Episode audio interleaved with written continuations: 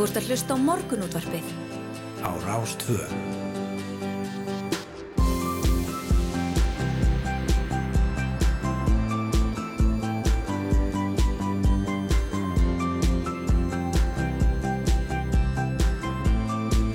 Morgunútvarpið á Rástfö. Jú, góðan og blessaðan daginn. Morgunúttarpi hér rúlar af stað eins og alla virka morgna. Ég, Snæru Sindradóttir, ætla að vera með ykkur til ykkur nýju og Yngvar Þór Björnsson mun uh, saminast mér hér eða koma og vera með mér hér eftir rétt skamma stund. Það er að nóg að taka í þætti dagsins. Við ætlum að hefja, uh, eða við ætlum að ljúka þættinum á ræða við Solveigu Önnu Jónsdóttur sem var sendt í gerðkvöldi endurkjörun formaður eblingar. Bartulistin sem hún leiðir hlaut langt flest atkvæði eða rúmlega 2000 atkvæði nánar tildekið. Hún fekk 2047 atkvæði talsins eða um 54% en uh, A-listin sem að Óluf Helga Adolfsdóttir leiti fekk 1434 atkvæði og C-listi Guðmundar Jóntans Baldurssonar 331. Þess maður geta að A-listin er listi uppstillingarnemdar en, en baráttulistin, B-listi Solvögar Önnu var, um, já, bara háði hérna mikla kostningabartu og, og hafið betur á þessu sinni. Við ætlum að ræða við Solvögu Önnu um kjarabartuna framöndan og framtíð eblingar en það er ótt að segja að það hafi verið mikil ólga innan félagsins og í kringum hana og starfsfólki á skrifstofunum og svo framvegs. Við höfum svo sem rættum við Solvögu Önnu hér fyrir rúmri viku síðan og við rættum við Ólöfu Helgu þegar að hún bauð fram í januar og sömulegis við Guðmund Jóntan Baldarsson þá þannig að þetta er allt saman eftir bókinni. Frættaskýringaþátturinn Kveikur fjallaði svo í gærum svo kallega smásköndun ofskinnuna sveppa sem hugstuð er til að hjálpa til í glíminu við geðran vandamál. Þetta er auðvitað flóki mál og uppbyrður margar skoðanir hvort áhrifin séu livleisa eða hvort þetta sé nýjasta byltingin í faraldri geðrana vandamála. Nýjasta byltingin í geðlækningum raun að nánum til dekið Sara Maria Jólustóttur, jafnan kalluð Sara Fórja, stundar um þessar myndir háskólanám í þessum smá skömmtunum uh, sem heitir á ennsku Psychedelic Therapy Training og Sara verður gestur okkar upp um hlukan 8. Svo er það sjómenn sem á strandvöðum hafa undanfæði krafist þess að fá auknar heimildi til að veiða þorsk. Samtök fyrirtækja í sjáratvi gælda hins og að varhug við þessari kröfu og ætlum að ræða við Heirunu Lind Martinsdóttur framkvæmtastjóra samtaka fyrirtækja í ferðjónustu um þessa afstöðu samtakana sem snýr meðan annars að sjálfbærni og arðbærni en einnig ætlum að ræða við hana um hugmyndir Lilju Alferstóttur viðskiptaráðura um að skatleggja ofur hagnaði sjáratvi. Og gær þá rættum við við Ólfa Stefansson, framkvæmdastjóra félags atvinnureikanda þar sem hann sagði að innlend framleðsla anni ekki eftirspurna á blómumarkanum, þörf fyrir innflutning væri vaksandi og hinnar ofenböru álugur væru langt umfram allt sem eðlert gæti talist. Í dag ætlum við eins verið að tala við Axel Sæland, formann búkarinnadildar garðirkjutildar bandarsamdegana um framleðsluna og stöðu blómabænda og þessa tollkvóta og allt hvað eina. Hann fullir ekki að er Ólafur að, að hér varu sko ræktaðar til til að fá, fáar tegundra blómum uh, sem að önnuðu langt frá því eftirspurn og, og uh, því til, því til uh, stuðnings, raukstuðnings þá bent hann á það að, að hér árið 2021 voru flutt inn tæp 8 kíló, nei 8 kíló, 8 tonn af rósum sem eru þetta gríðilega mikið. Ég bara íslensk heimileg er einlega fallega skreitt sem að er þetta bara allt gott að blessa. En eitthvað maður hefði þáttinn á ræðans vetrafríð sem hefst í grunnskólum Reykjavíkuborgar morgun því, og því ganga þúsundi barna götur þar í fullkomnu reyðileysi og þó því að Reykjavíkuborg hefur sett saman fölberta dagskraf fyrir börninu og unglingana meðan að vetrafríðinu stendur. Gísli Ólafsson, verkefnastjóri hjá skóla og frísundarsviði verður á línunni hjá okkur hér í morgunsárið og rennir yfir alltaf helsta sem bóður upp á í menningu, útivist og leikum. Það kíkja þess að forsýr bladana hér á fórsíðu fréttablasins er, um, er svolítið falleg mynd þar sem að unnur að, að því kuldanum að hýfa strandveðabát sem sökk í Hafnarfjörðahöfni gær. Verki tók þó ekki langan tíma en báturinn hafði nýlega verið gerður upp þegar hann sökk. Það er, það er svekkjandi. Uh, á fórsíðu fréttablasins er jafnframt frétt sem að segja einfallega að vélinn geti þurft að býða fram á vor. Uh, munir sem fylgdu líkansleifu mannana sem fórust með TFABB í Þingvallavatni munu nýtast í þáu rannsóknarinnar. Mánuðir getur liðið þetta nýðustur krypningalikja fyrir. Björgun flugvila flagsins gæti hins vegar dreyist til vors og það er auðvitað uh, Já, það eru vond tíðindi af því að hér í síðustu viku, ég langar að segja þriðudag, þá rættum við við hann Ragnar sem að fer fyrir rannsóknina á þessu flugslisi uh, hjá rannsóknudeld uh, samgönguslisa, rannsóknar nefnd samgönguslisa, þetta er að vist og hann, hann sagði að það veri mjög mikilvægt að fá þess að vel upp vatnið auðvitað hefur áhrif á það hvernig hún varðveitist, hvernig rannsóknin fyrir fram og svo framvegs þannig að þetta eru, eru vond tíðindi Uh, Ottur, það er haft hér eftir Otti Átnarsenni yfir lauruglu þjónu hjá lauruglun á Suðurlandi að það liggi við að segja að það býði til vors að, að um, framhald aðgerða á þingallavatni. Unni var að leita flugvilni og flugmanni á svona treymur erlendum farþögum í síðustu viku en svo vinna bar þann árangur að flugvilin fannst í Ölfusvassvík og skamt frá henni lík þegar fjögur sem fórum borð. Kafarar slökkulis höfuburgarsvæðisins, landhelgisgeislunar og sérsveitar ríkislauglustjóra á samt starfsmennum köfunaþjónustunar EHF liftu líkunum frá botni með fjárstýðum kafbót fyrirtækisins og færðu í hendur kafar sem komuðum fyrir í svo kallum segli. Þau voru síðan hýfið um borði bát og flutt í land en flugvilaflagið liggur enn á botni þingvallavats og lögurglann þurft að hætta við aðgerðir eftir að vatnið lagði. Það er einfallega kallt að þingvallum eins og um landallt. Það var fundað í gærum framhald aðgerða en nokkuð ljósta ekki sé undaganga í verkið fyrir að hlínar í verð, veðri. Um, þetta er uh, að því að við ætlum að ræða eins uh, um ofurhagnaðin sem að hér við heyrum Lind Martinsdóttur eftir þá líka verðt að minnast á uh, hér svona litla kýtlu á forsiðu frettablasins þar sem að haftur eftir Stefáníu Óskarsdóttur dósandi stjórnmálafræði við Háskóla Íslands. Uh, að hún telur að með umhælun sínum um bankarnir að því við rættum það líka í síðustu vikum hugmyndir Lilju Alfersdóttur um, um að skatleggja ofurhagna bankana til þess að koma til móts við Um, hún segir að, að bankarnir ætti að nota ofurhagna sinn til að greiða niður vexti fólksins í landinu. Hafi Lilja Alfersdóttir menningar og virkir á þeirra verið samt að skila búið til ákveðina aðala innan og utan ríkistjórnarinnar að minna á að hún sé ekki aðeins menningamálur á þeirra heldur líka viðskiptar á þeirra þannig að hún reynilega vilja vekja aðtikli á bara stöðu sinni sem að uh, ég veit nú ekki alveg hvort að haldi vatni en, en uh, þetta er að mista hvort að mat Stefáníu Gaman að því. Uh, hér á plassiðu fjögur í frettablaðinu er sem er leiðis mjög áhugaverð frett. Rúmur 60 miljardar af illa fengnu fjö er talt verið þvætti er hér á landi. Umfang peningatvættis er á par við margar aðrar þjóður og OTD sé lítið til stærðar hagkerfisins en stuttir síðan Ísland var á gráum lista. Um 10% þessa peningatvættis um, er vegna fíknefna viðskipta sanga þessari frett. Það því er 90% er vegna einhvers annars sem er líka mjög forðanlegt. En Inga Þó Björnsson er komin til mín og ætlar að fara yfir færð og veður hér rétt á eftir. Ég ætla að byrja því að skipta yfir á fréttastofuna og heyra hvað þau hafa að segja um uh, fréttir næturinnar og morgunsins og svo uh, komum við hér yngvar að vörmu spóri með eins og ég sagði veður og færð og Solvögu Önnu, Sörumarju, Heirnulind, Blómabændur vetrafri og allt hvað eina. Það verður að nógu að taka í þætti dagsins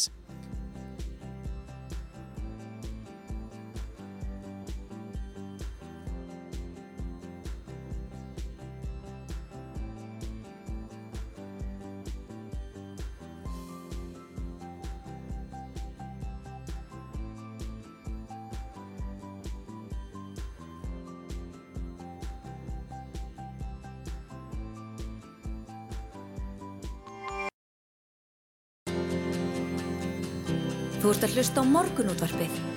Á Rástvö.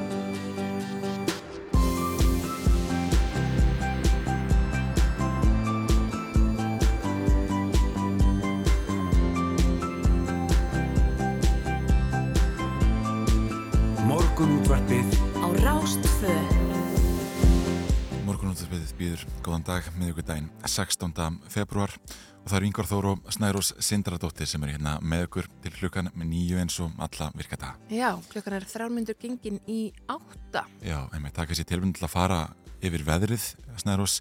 Um, ég mætti hérna örliti sent í morgun þar sem bílinn satt pikkfastur á, á meðri götu í miðborg Reykjavíkur. Já. Þannig að hérna, en síðan eh, komu þrýr, eh, já, frábæri menn og, og hérna ítti mér til og frá og, og losiðu bílinn. Já, hlóðaður leðinni. Svona hlóðu lítilega í leðinni og svona miskáttir með þetta morgunverk greinlega á leið til vinnu. en það það er gott að, að- einhverju séu vaknaðir svo snemma til að hjálpa samborgurum sínum það Algjörlega. er áskaplega þakkláttu fyrir þetta Einmitt, eh, það stendur hérna á vef veðurstofunar nú þegar þetta er skrifað er veðri nokkuð misskipt á landinu.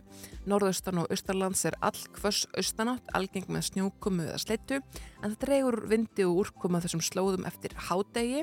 Í öðrum landsleitum verður vindur fremur hægur í dag en búist má við jæljum á stöku stað.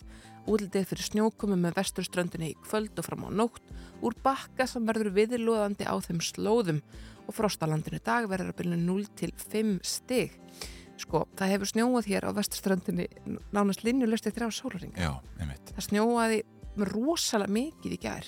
Já, ég, ég er raunin man ekki eftir, eftir svona mörgum dögum í röð Nei. það sem gjörsamlega kingir niður snjó Þannig að heyra þetta bara, já, já, ok.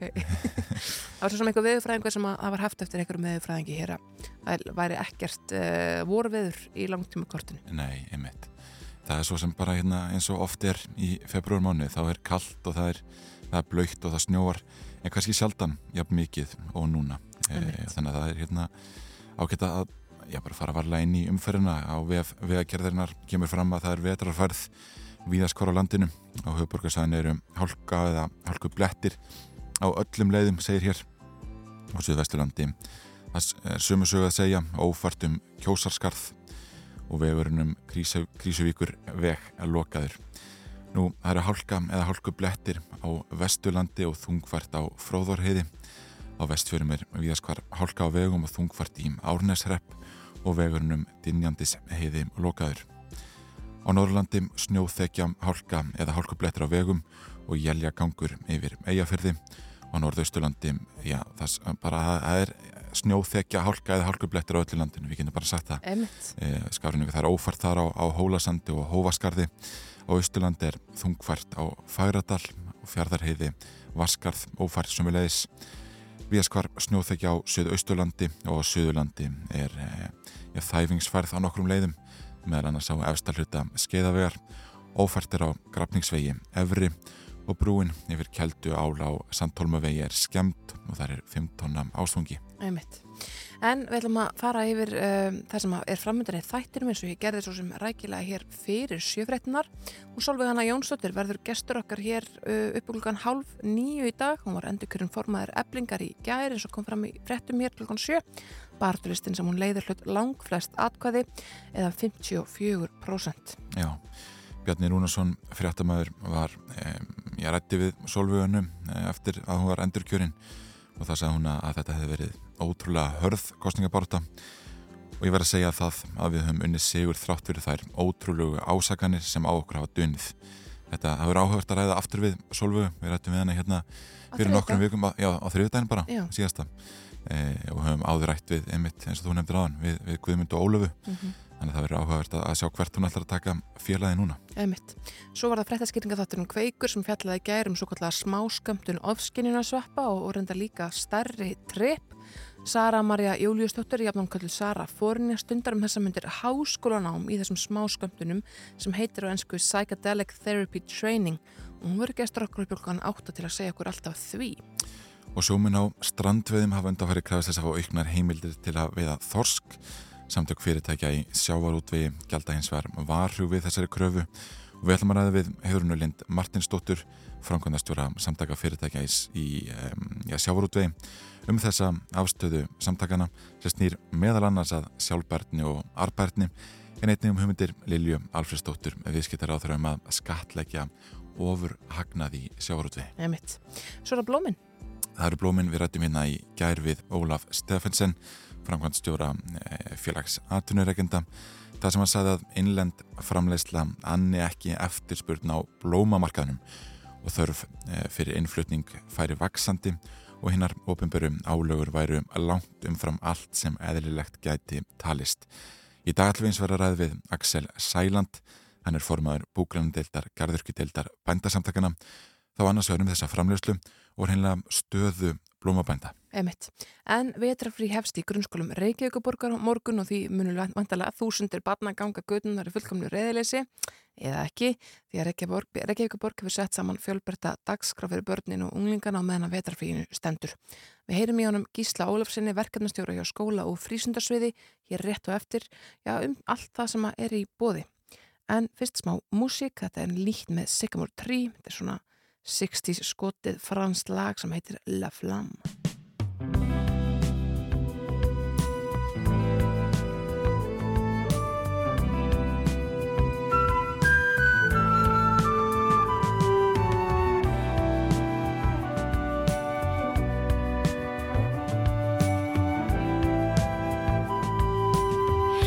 flamme disparue et nous n'en sommes pas Le soleil est parti. Ton amour explosionne mon âme.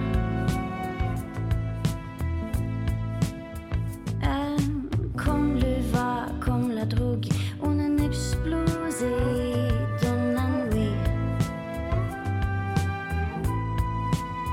Ah, comme le va, comme la drogue, comme le soleil,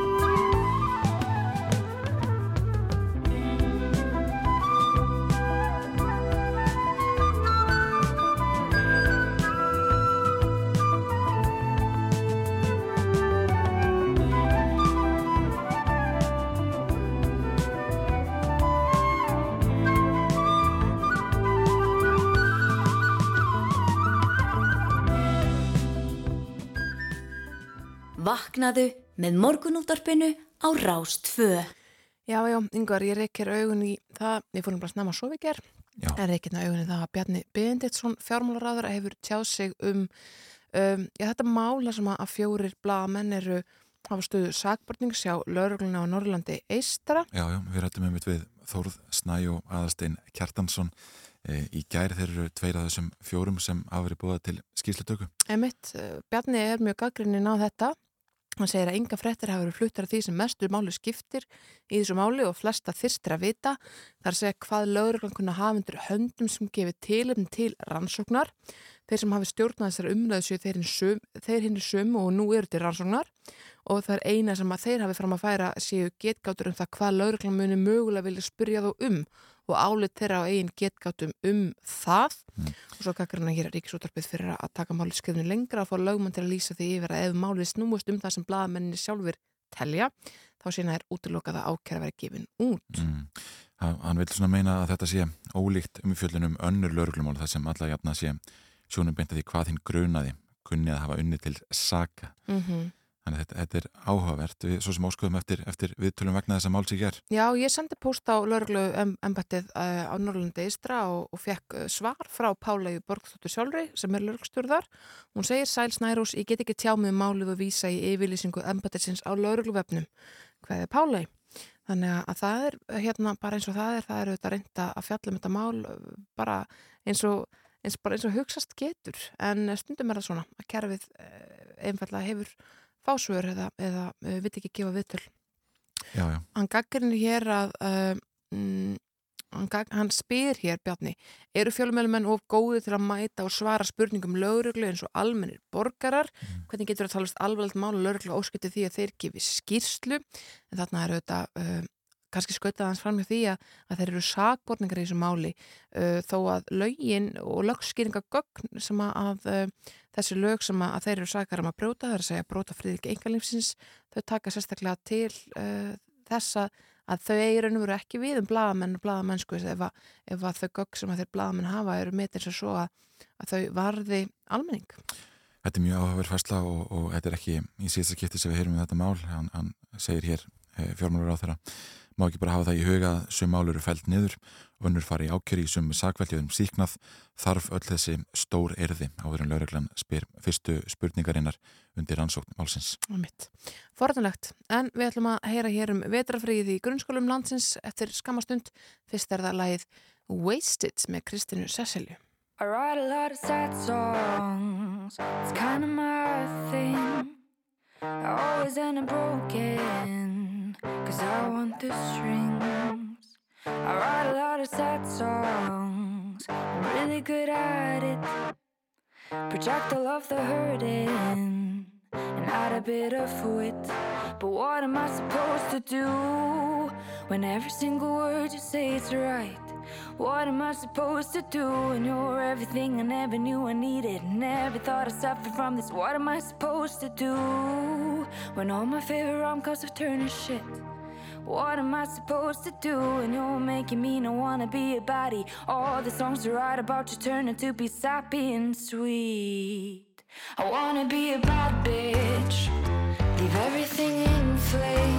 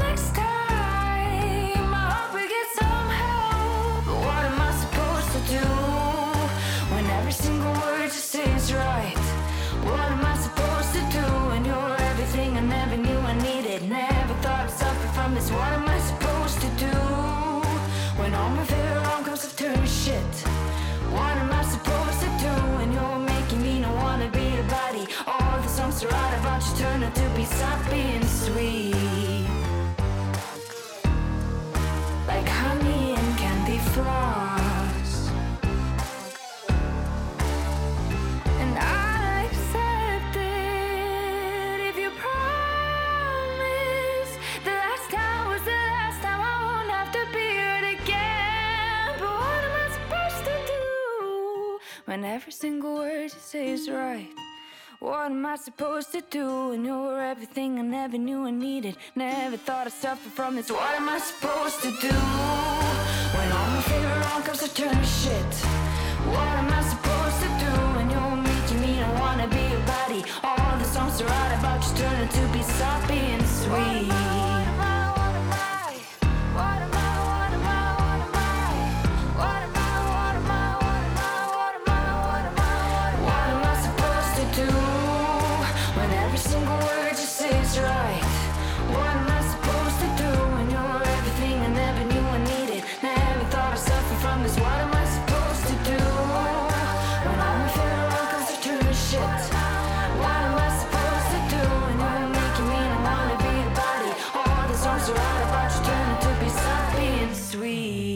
Morgunútvarpið á Rástfö. Alla virka daga frá 6.50 til 9. Jú, jú, morgunúttarpið heldur hérna áfram.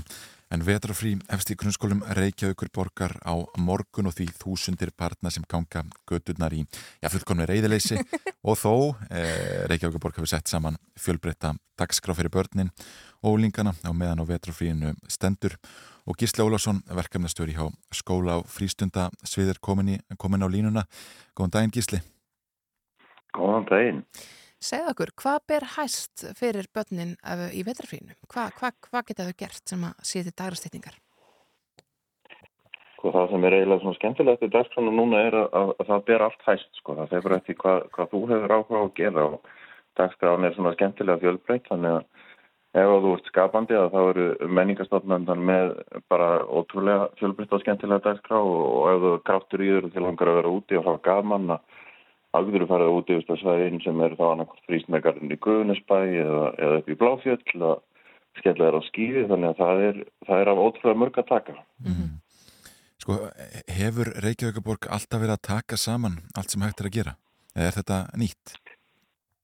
Þetta hefur verið í alveg allt nokkur ár. Það sem er tekið svona saman, það eru svona helst þess að það eru frísnunda meðstöðarnar í borginni sem er að standa fyrir dagskraf fyrir fjölskyldur og börn í, í borginni og svo er það menningastofnarnar okkar, það er listasafreikjavíkur, borgarsögursafn og, og, og náttúrulega borgarbókarsafnin og, og hérna þessar stofnarinn hafa staðið fyrir dagskraf senjumst ára og þessi verður alltaf verið safnað saman og senda á fóruldra fyrir vetrafríð svona til þess að vita svona nokkur nefn hvað, hvað er í bóði yfir, yfir hérna vetrafríð og ég myndi segja ár séu við samt svona að við erum alltaf að taka skrefi lengur og lengur, þetta er alltaf að verða svona stærri og meiri dagskrá og meðnaðallir þannig að það er bara ótrúlega gaman að sjá hvað hún er flott í ár. Mm -hmm. Og er alveg jafn auðvelt að virkja fólkið í hverfunum til þess að sinna ja, börnunum í sínu hverfu vel?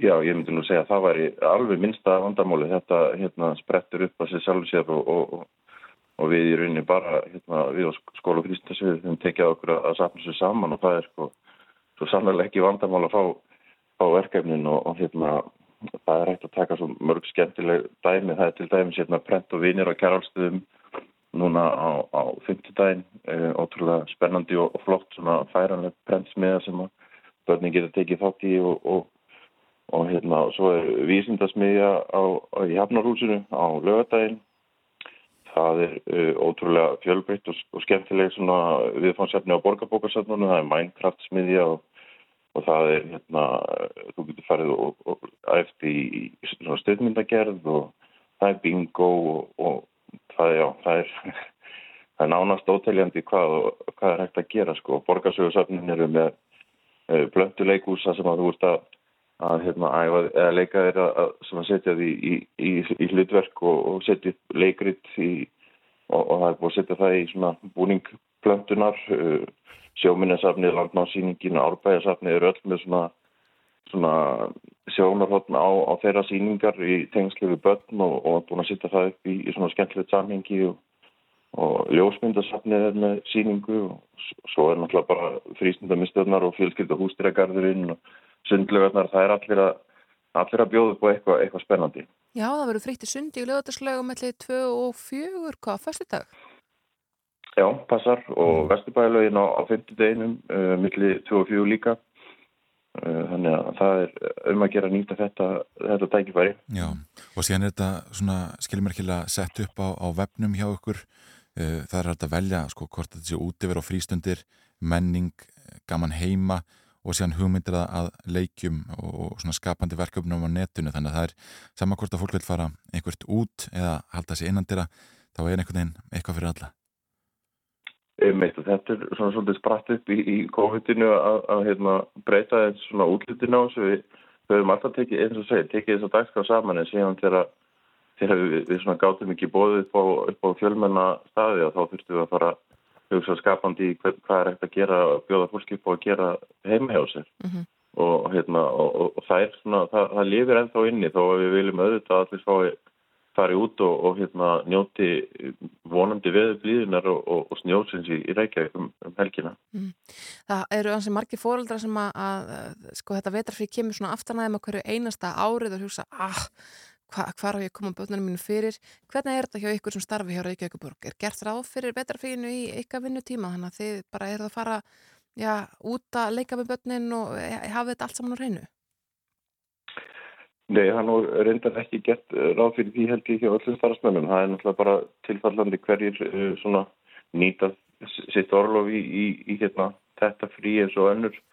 Um, þannig að hérna, neina, þetta er bara partur af starfin er að- að búa til eitthvað svona við að vera fyrir borgarbúana. Það er allavega hægt að finna upplýsingar um allt þetta á reykjavík.is Já, algjörlega. Það er þarna bara efst á bauði vetrafríð og, og hérna hvet alltaf til þess að kynna sér uh, þessa fjölbrötu möguleika. Það er uh, eitthvað í bóði fyrir alltaf. Ég held ekki að máli fullist það. Nákvæmlega Gísli Ólafsson, verkefnastjóri hjá skóla á frístundasviði Reykjavíkuborgar. Þakkaði fyrir að vera á línunni og vakna með okkur í morgunúttarpinu. Takk sem leðis. I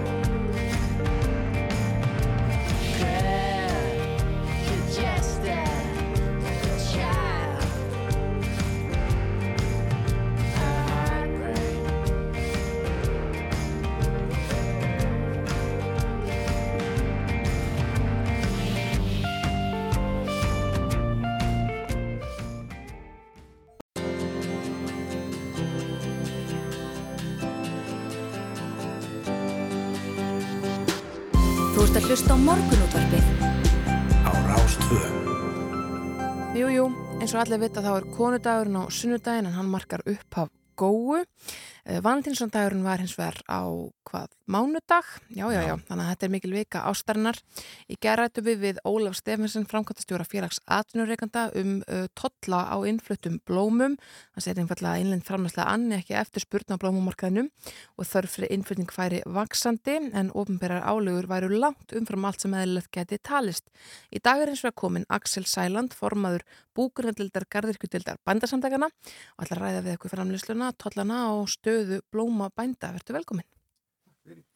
Sko það er kannski rétt að þú er vantilega að hlusta á þetta viðtal við Ólaf. Uh, já, er það þannig að innlend framleysla anni ekki eftirspurna á blómamarkanum og uh, já, eru þessar ofinbyrju álögur að koma niður á þeim sem vilja kaupa falleg blóma á, á konudaginn eða valentínusadaginn? Já, staðan er þannig að það eru risadagar á árinu þar sem að eins og rétt til getið að, að við eigum ekki möguleika á að framlega í það en það er uh, blómaframlislega jöfn allt árið að, svona heilt yfir þótt að við náum auðvitað að auka verulega í en aldrei annað eftir, eftirspurninni. Þannig að innflutningur er töluverður fyrir þessa daga. Það er mikið rétt. Já, einmitt. en, en hvort að e, ofurtollar og annað á blómum sé e, rétt orðið sagt en, en hérna og hvort að markmiðið eigi að vera þannig að fólk eigi að fá hlutin bara ódýrast eins og mögulegt er sama hvað að þá þurfa stjórnvöld náttúrulega að spyrjast til þeirra spurninga en, en við viljum meina það að við séum með geðavöru sem við framlegum jafnt allt árið fyrir okkar neytindur og önnum eftirspurn heilt yfir árið Mhm. en, en svo koma þessi dagar, stóru dagar sem að vegum ekki möguleika og ef að ríkistjórn eða, eða ráðunetti eða hverjir sem er eiga að hoppa til þegar að eitthvað blæs að, og, og, og gríp inn í að þá er lítil framtíðasín, myndum við segja fyrir okkar til þess að búa okkur til framtíðasín í greininni og, og, og festu Mhm. og, og sjá tækifæri Ólafur talaði líka um það að það væri svona tildulega einhefni í því hvaða blóm væru uh, ræktuð hér á landi þar að segja að það væri mun fleiri og falleri blóm hægt að fá í innflutningnum en það svaraði einfallega ekki kostnað að flytja þau inn. Er það rétt? Er það að rækta fáar tegundir? uh, Ísland er örmarkaður við, við förum ekki dvarhluta því og, og við eigum ekki möguleika að framlega allar tegundir sem er í bóði heiminum en við framlegum stóru tegundirnar, algengustu tegundirnar sem er á markanum og þar kemur þessi tollkvoti inn að tollkvoti eru 300.000 blóm á ári. Og hann er hugsaður í upphafi til þess fyrir ymitt kaupmenn að hafa úrvalið, hafa fjölbreytnina fyrir sína viðskiptavinni þannig að þeir eigi möguleika á að, að sjá úrvalið Mm. og njóta þess. Mm. en magnið e, liggi hjá innlendum framleiðendum Ólafur talaði um það að það væri hægt að, hérna, já, allavega leifa innflutninga á, á sérsagt einhverjum ákveðnum uh, tegundum af blómum þar sem ekki væri tollur og að þið myndið þá halda einhverjum svona einhverju grunnstar sem er áfram, væri það æskilegt? e, Ég tel svo ekki en það er, má samt taka það fram að það er ekki tollar á öllum blómum. Það er ekki þannig, þannig að fólk má alveg rýna í það og skoða það er ekki tollar á öllum blómum. En e, blóm eru líka bara blóm. Það verður líka að hugsast að, að það er mjög auðvelt að búa til fallegan blómönd úr hverju sem er.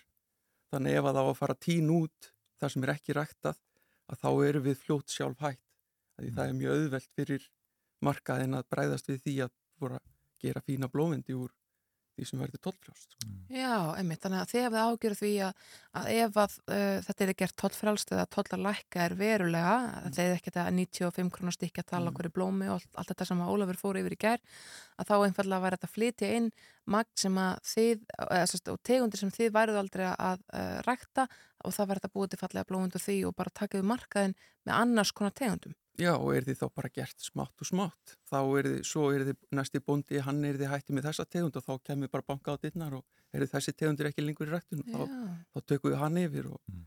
og það er í mínum huga engin framtíðarsýn fyrir greinina og ef að greinin á að sjá tækifæri þá verða að vera tollara því tollar eru til þess að venda umhverfi sem við verum í og ef að þá alltaf að bakka í tollum ef það er aukin eftirspurn þá sér bóndin einhvern hagi því að auka sína framleyslu ef hann hefur ekki bakka uppi frá stjórnvöldum til að standa í fætunar. En hver er svona almennt staða íslenskra blómabænda uh, í, í þessu umhverfi sem þið starfið í núna? Sko, ég myndi segja að við séum bara, hún sé góð. Mm. Við erum, uh, við tölum um einhver bændur en við erum í fyrirtæki, við, okkar fyrirtæki heim í sveit, við erum átján starfsmenn já, í okkar fyrirtæki og við framlegum 2 miljónir blóma á ári. Þannig að þetta er bara fyrirtæki og við uh, vinnum undir umhverfi það sem er vinnu eftirlit og það er, við borgum mannsamandi laun fyrir okkar vöru og við erum með græna orku og við erum hugsum um sjálfbjarni þjóðar og, og byggðafesta. Þetta er allt hugtök sem að skipta okkur máli. En ef að, eins og Óli kom inn á að þegar hann tól, fór að tala um kolminsfótspor Mhm. og, og íslensk gróðrús kostniðum sitt og væru sterk og stór og með við söðurann gróðrús sem og ekki neitt og jafnveldi berum himni. En hann talar ekki um starfskjör þeirra sem að eru að vinna þessi blóm. Hann talar ekki um uh, skordýravá sem er stöðug þar og þar þarf að úða, ég segi ekki dagstælega, en það er bara gríðarleg úðun mhm, til að halda niður myndirum. Hérna hefur við íslenskan vetur sem að sótrinsar okkar undhverfi og myndira eru við alltaf hægt að tala um hérna á Íslandi. E eru Mm. þá íslensk blóm bara án allra svona eiturefna eða eitthvað? Já, þú mátt borða á blómundin sem er hérna á borðinu. Já, þú Það er komst, bara hérna, komst færandi hendi með Mm. fallegan blómund getur þú sagt okkur aðeins frá, frá þessum vendi, Hva, hvað eru að horfa? Já, þetta er bara hluti af okkar framlýslu heima og, og Óli kom inn á við rættum fáar tegundir en við rættum samt hverja tegund kannski alltaf 40 mismunandi litafabriðum þannig að við erum heima að rækta yfir 200 mismunandi tegundir blóma Einmitt. í okkar fyrirtæki Mhm. og í þessum vendi eru, eru runni bara fjóra tegundir það er solidago, krusi, gerbur og rósir en hvert blóm er í mörgum mismunandi lítum og Mhm. Já, mjög ólík. já, það er mjög ólík þótt að þetta séu sumi tegundir Eh, Hvernig, bara fyrir forðinu sakir, hvernig leitistu út í það að verða blómabúndi? Hva, hvaðan kemur sá, svo ástriða? þriðja kynnslóð, getur ekki bara sagt það Það er bara þannig. Ég, ég er náttúrulega alin upp á, á, á Espiflöt, okkar blómabúi og amma og afi byrjuði þarna 1948 í græmyndisræktir endar og, og fóreldrar mínir hjálpuðu þeim og skipti yfir í blómarakt 1900, svona í kringu 1978 og hefum verið í því síðan Mhm. þannig að og ég kem inn þarna 2006 með heiðu konunum minni og, og erum svona, tókum alfarið yfir um áramótin og gömlu þótt að þau séu við fulla helsu og skipti sér á öllu ennþá hérna, þá þykist við allavega að fá að ráða Já, og, og eh, hafa Íslendingar meiri áhuga á blómum nú en þeir gerðu þá? Þekkir það? sko, COVID breytti með hlutunum svolítið og, og blómin urðu mikið vinsælli þetta var svona meira inn, á, inn í íbúðum fólks þetta var það sem að glatti þannig að neyslan jógst mikið og, og á tveimur árum er erfitt fyrir markaðin að bregðast við svoliðis ásók Já. Og, og við vitum ekkert hvað gerist eftir COVID þá komu, við grínumst oft með það að þá komu 50.000 golvarar heim til Íslands í COVID og, og þeir fara kannski aftur erlendis og, og hvort að drægist saman þá eða hvað gerist þannig að menn er ekki eða sérst menn að fólk garður ekki bændur eða bændur eru kannski ekki að hoppa á vagnin strax og veit ekki alveg Mhm. hvað verður þegar að COVID eins og stjórnvöld er að bóða bara 10. marsjapil verður þetta búið Það þýr ekki að stækka gróðrúsi eða auka framlýsluna mikið ef að svona með hann óferðsjónleika. Nei, en við gerðum, við stækkum um rúmlega 1000 fermetra í COVID og, og, og það þýtti það að við bættum við 400.000 rósum á markaðin á ári Vá, Mhm. þannig að, og, og það annaði mikið eftirspurninni en ekki nóg eins og Óli kemur inn á það er, það er innflutningur í gangi og, og, vonandi bara sjá fleiri bændur sér tækifæri í því að, að gera betur, að því að þúsund fermetra grórusi þótt að það sé ekki drosalega stór bygging að þá Mhm. framleiður hún helling þannig að það þarf ekki drosalega marga þúsund fermetri í viðbót til þess að annað þessar nei. og, en, og en, við sko, auðvitað eigum að stefna því að vera sjálfbær já, en, en 400.000 auka rósir eru sko auka 33.000 vendir. 12, 12 rósa vendir sem eru nú, Já. það eru stóru vendir, 12 já, með 12 já, rósum. það er stór já, já. Mm. Þetta, þetta geta verið allt upp í 60.000 vendir eða eitthvað, aukalega. Mm. Hvað voðalega kaupið mikið af blómum? Já, Já, þetta er, þetta er tölur sem að er, en, en sko blómi eru miklu meira enn í enganislu. Ég meina allir viðburðir, Já. uh, hvort sem við erum að tala um fermingar, brúðkaup, jarðafarir, ammæli, Mhm. uh, ráðstefnur, uh, hvað sem er. Það, það eru orðin blóm á flestum þessum staða. Sko. já, já. Neyslan er töluverð. Sko. Já, þetta er áhugavert. Ólafur vil náttúrulega setja á, á, á flytja fleiri blóm inn. E, værið þú til að, sjá okkur fara í, í hináttina, að auka ennfrekar hvata fyrir íslenska blómabændur til að, að já, ná markanum hér? Já, algjörlega og náttúrulega í nýjum ríkistjórnarsáttmálanum að þar er tekið fram að þar eigi að festa niðugræsli hlutfall rafmaks til bænda Mm. og við er flokkumst þar undir og það skapar miklu meiri vissu fyrir okkur að því að þessi prósentutala hefur verið að flakka allt frá 63% upp í 90% Mm. og þetta, þetta, eru, þetta eru miljónir í, í rekstri sem við erum að tala um þessar þessa prósentur áttum milli. Þannig að ef að ríkistjórnin festir þetta niðugræsli hlutfall í 90-95% eins og við erum að berjast fyrir að þá skapar það bara alltaf aðstæði fyrir okkur í okkar rekstri. Mhm. Að því við erum að nota, sko, við, við erum að grínast með það í Reykjóldi er stór tómatastöð, friðumar, gúrkustöð í Gufulíð og svo við í Blómanum og við erum að nota eh, skilur 7 megavötta rávorku, grætni vorku mm -hmm. Aksel Sæland formáði búkurinn til þér garðekku til þér bandasamleikana takk kærlega fyrir komuna í morgunundarpið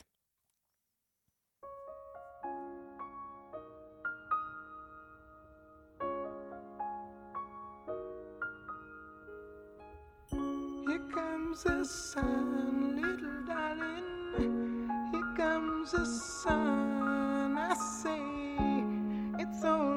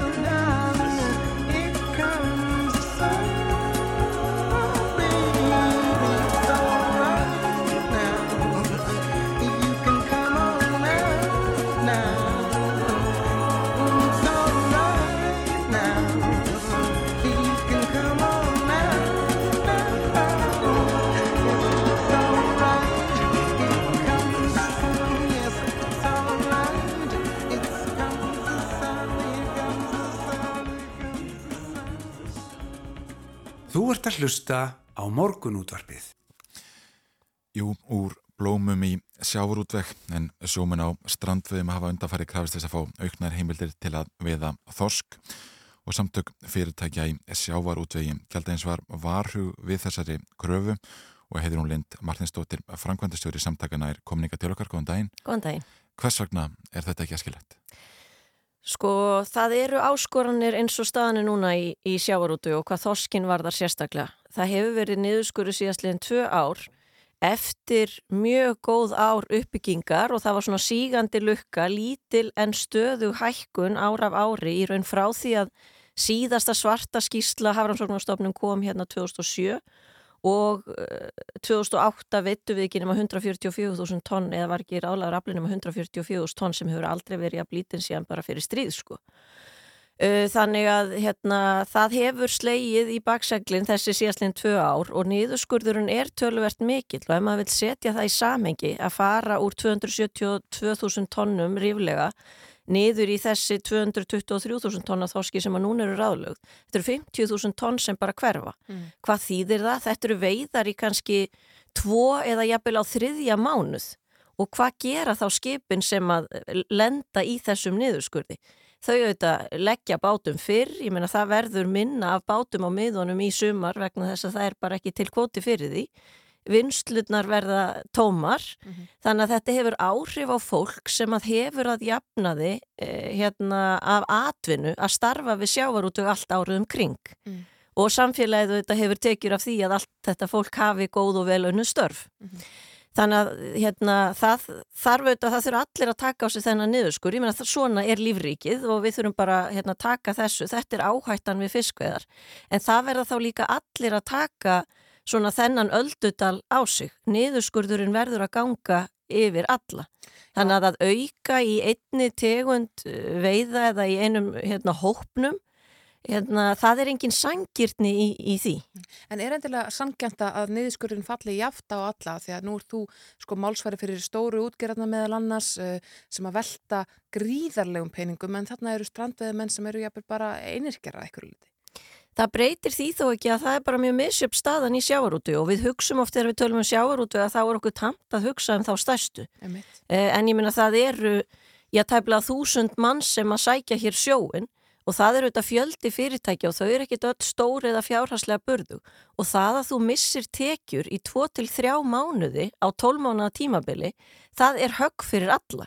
Það, það breytir eiginlega ekki hversu stór þú ert eða hversu umsjöfamikil eða öflugt félag þú ert þeir fjárhagslega sterku munu standa þetta af sér en það sem maður hefur áhyggjur af nákvæmlega í svona árferði að það muni kalla á einmitt að það í- íti frekari samþjöppun í greininni af stað Mhm. vegna þess að það geti ekki allir staðið þetta af sér. En gæti ekki einmitt aukin sko auknar heimildi fyrir þessa einirkja gert það að verkum að þeir þurfu ekki reynlega bara að hætta störfum, reynlega að hætta að veiða af því að þeir hafa ólítið til, þeir hafa ólítið þorst til að veiða.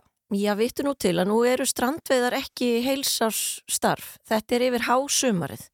Þannig að hérna, það er nú kannski ekki stór hluti þetta, og ég ger ekki lítið úr því. Það eru þetta aðila sem að reyða sig á þessar tekjur. En hérna, það eru bara, það eru sveiflur í þessu og það þurfa allir að vera meðvitaður um sem að ætla að gera þetta að aðtunum. Nú held ég að, að, að það hljómi sérkynlega fyrir marga að, að sko samtök fyrirtæki sjávar, sjávar útvegi sé ekki að tala máli sko þeirra sem stundar strandvegar, hvers veitna er það ekki? Sko við erum að horfa á þetta út frá heildarhagsmunum og eh, ef að aukið er í einum eh, tilteknum flokki veiða, eh, nú það verður af einhverjum tekið. Þetta er ekki, þessi afli er ekki tekin af himnum ofan. Þannig að við erum að veiða í samræmi við það sem vísindin ráðurlegi okkur að veiða og mér finnst stundum óábyrgt eins og er tala þegar að vera að tala um stranduðarnar að það sé ekkert mál að auka. Við hefum bara að gera það í einu vetfangi og ef að það hendar í hvert og hvert sinn og jafnvel vera að tala um að auka og þrýstingur á að auka aflan langt inn í vertiðin og inn í sumarið.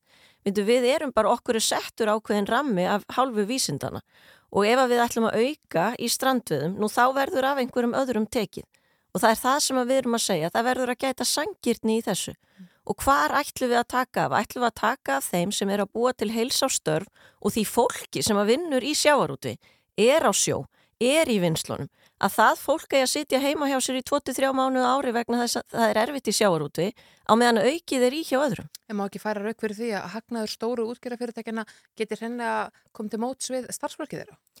Það eru auðvitað sumfyrirtæki velreikin og eins og ég segi, munu klárlega að standa af sér þessa áskorun sem að bara þessi, þetta ár hefur í för með sér með svona niðurskur og jafnvel næsta ár líka. Hafrannsóknarstofnun hefur sagt að það sé ekki að vænta kannski jákvæðri tíðinda fyrir 2023 eða 2024. Þannig að þetta er áskorunum um þessar mundir. Sum fyrirtæki eru þannig reikin eins og ég segi, þau munu standa þetta af sér. Eh, En það eru bara ekki allir í þeim báti og við getum ekki alltaf verið að tala um fyrirtækin sem eru þau stærstu, bestreknu, skráðamarkað, hafa aðganga fjármagni. Það eru bara mjög fáir þar. Já, en, en talandum fjármagn og hagna þá vildum við aðeins ræða við hugmyndir Lilju Alfredsdóttur eh, viðskiptar á þeirra og, og var að formas framsvöndaflokksins. Hún sagði viðtalið að hún vildi já, skatleggja ofurhagnað sjávorútvegs. Hvernig listar þessar hugmyndir viðskiptar á þeirra? E, ég, ég, ég var hissa en ég er ekki að heyra þessu svona hugmyndir í fyrsta skipti. Hérna, mér finnst hérna miður þegar við erum og þessu umræða er hérna, mér finnst hún allt of algeng á vettvangi stjórnmála að, því, að svona hlutum sé slegið fram í svona einhverjum hérna, rosalegum lýsingarorðum eða fyrirsagnastíl, ofurhagnaður og annað þess aftur og svo eru nefndir einhverju miljardar og þegar maður heyrir fjóri miljardar finnst manni það mikið bara sem einstaklingi og þegar maður heyrir hundra miljardar finnst manni það mikið og þegar maður heyrir 400 miljardar, allt er þetta bara rosalegar tölur. En þetta er svo sjaldan sett í eitthvað samhengi hvað er ofurhagnaður og ég kannast ekki við það að það sé ofurhagnaður í sjávarútvi. Það er engin svo fjárhagslega kennitala í sjávarútvi sem bendir til þess að þar sem sé ykkur umfram arsemi sem að hérna e, kemur til af því að það sé verið að nýta takmarkaða auðlind. E, við getum litið til argreðslna, meðaltal á síðustu árum 2011-2019, argreðslur í sjávarútvi hafa verið um 29% af hagnaði, í viðskipta hagkerfinu í heilsinni fyrir utan sjávarútvi hefur hann verið 39% af hagnaði. Þannig að argreðslur úr sjávarútvi eru töluvert minni en í viðskipta hagkerfinu almennt. Það sama má segja um vöxt eigin fjár, það er oft talað um að hann hafi vaksið gríðarlega í sjávarútvi, hann hefur vaksið minna hlutfalslega heldur en í viðskipta hagkerfinu almennt ef við lítum aftur til 2002 Arsemi eigin fjár sem er auðvitað bara afrakstur fjárfestingar í þá sjávarútu eða þeirra atvinnustarfsemi sem að þú fjár, fjárfestir í. Eh, hún er hérna ásættanleg stundum og stundum óásættanleg í sjávarútu. Eh, ef við tökum til dæmis tímabili 2016-2018 þegar króna var mjög stert og það var bara erfitt í sjávarútu í þá, þá var arsemin 14% og það er bara óviðunandi í áhættu sumum rekstri og fjármaksfrekum rekstri. Mm. Þannig að ofur hagnaður í sjávarúti, hérna, ef hann á að skatleggja þá er hann bara ekki til staðar. Hérna kemur fram í uh, frétt viðskiptablaðsins uh, að árið 2019 þá hafi hagnaðurinn uh, sko Heildavelta útgerðina 10 var 178 miljardar krónar árið 2019 sem er 22 miljardum eða 14% meira en 2018.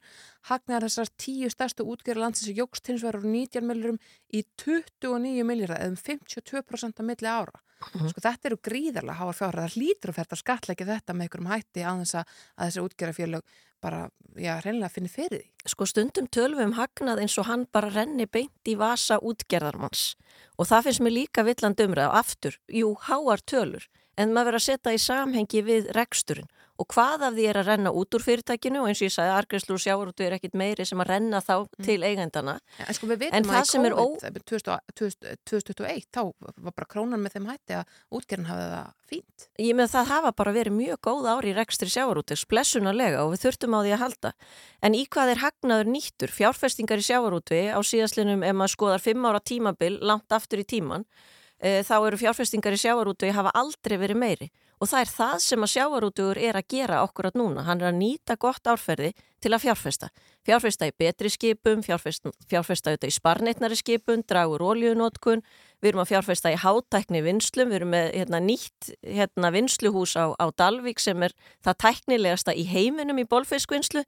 Það er þetta sem er verið að setja hagnað sem verður eða gott gengi er verið að nýta til að halda áfram auðvitað að fjárfesta inn í greininni til þess að búa til tekjur til framtíðar. Þannig að hagnaður, mikill, lítill, við þurfum að setja þetta í eitthvað samhengi. Já, Heiður Lind Martinsdóttir, framkvæmdastjóri samtækja fyrirtækja í sjávarútvegi, við komumst í meður ekki lengra í þetta skiptið, var eflust eftir að ræða þessar hugmyndir um að skatleggja, já, meintan ofurhagnað í sjávarútvegi. Ár og ára tíu viðbót. Er tíu viðbót nákvæmlega. Eh, Hún er að fara að koma sér fyrir hjá okkur Sara Marja Júliusdóttir í hafnan kallu Sara Fórinja. Hún er í háskólana með þessa dagana í smáskömmtunum á ofskinnunarleifum til eh, hjálpar í geðlækningum. Þetta kallar, kallar psychedelic therapy training og er eh, já, það sem að kveikur fjallaðum í ger. En fyrst skiptum við yfir á frettastofuna. Þú ert að hlusta á morgunútvarpið á Rástvö.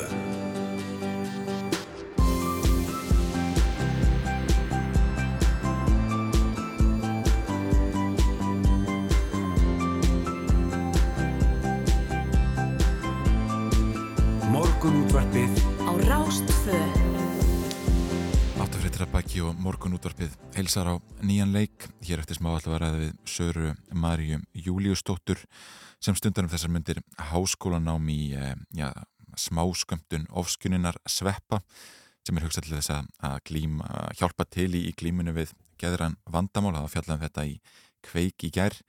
E, síðan alltaf að ræða við Solvöganu Jónsdóttur sem var endurkjörinn formaður eblingar hér upp úr klukkan hálf nýju. En fyrst alltaf fá eitt lag, þetta er Byrtunar brú með svölu.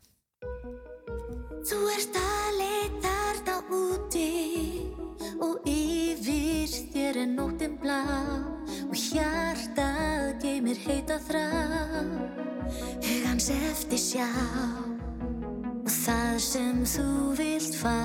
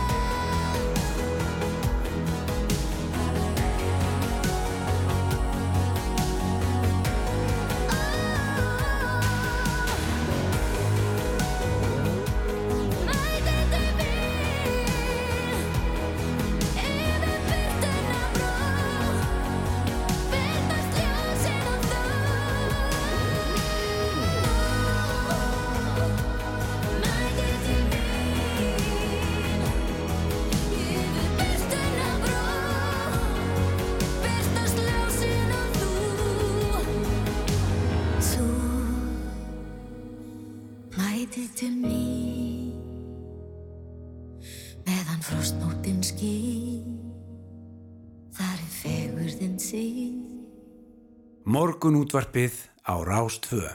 Jújú, jú, þeir sem að horfa á frettaskýringaþáttin Kveik í gær uh, sáu þar umfjöllunum svo kallega smáskömmtun ofskinnunarlifja eða ofskinnunarssveppa sem hugsuðu til að hjálpa í glíminu við, við miskeðran vandamál. Hún er komin ykkar til okkar Sara Maria Júliusdóttir í afnankvöldu Sara Fórinja sem stundar um þessar myndir háskólanám í slíkum smáskömmtunum sem heitir á ennsku Psychedelic Therapy Training. Uh, velkomin Sara. Takk fyrir. Sko, segðu okkur bara frá þessu námi sem þú ert að stunda, í hverju felst það, Psychedelic Therapy Training?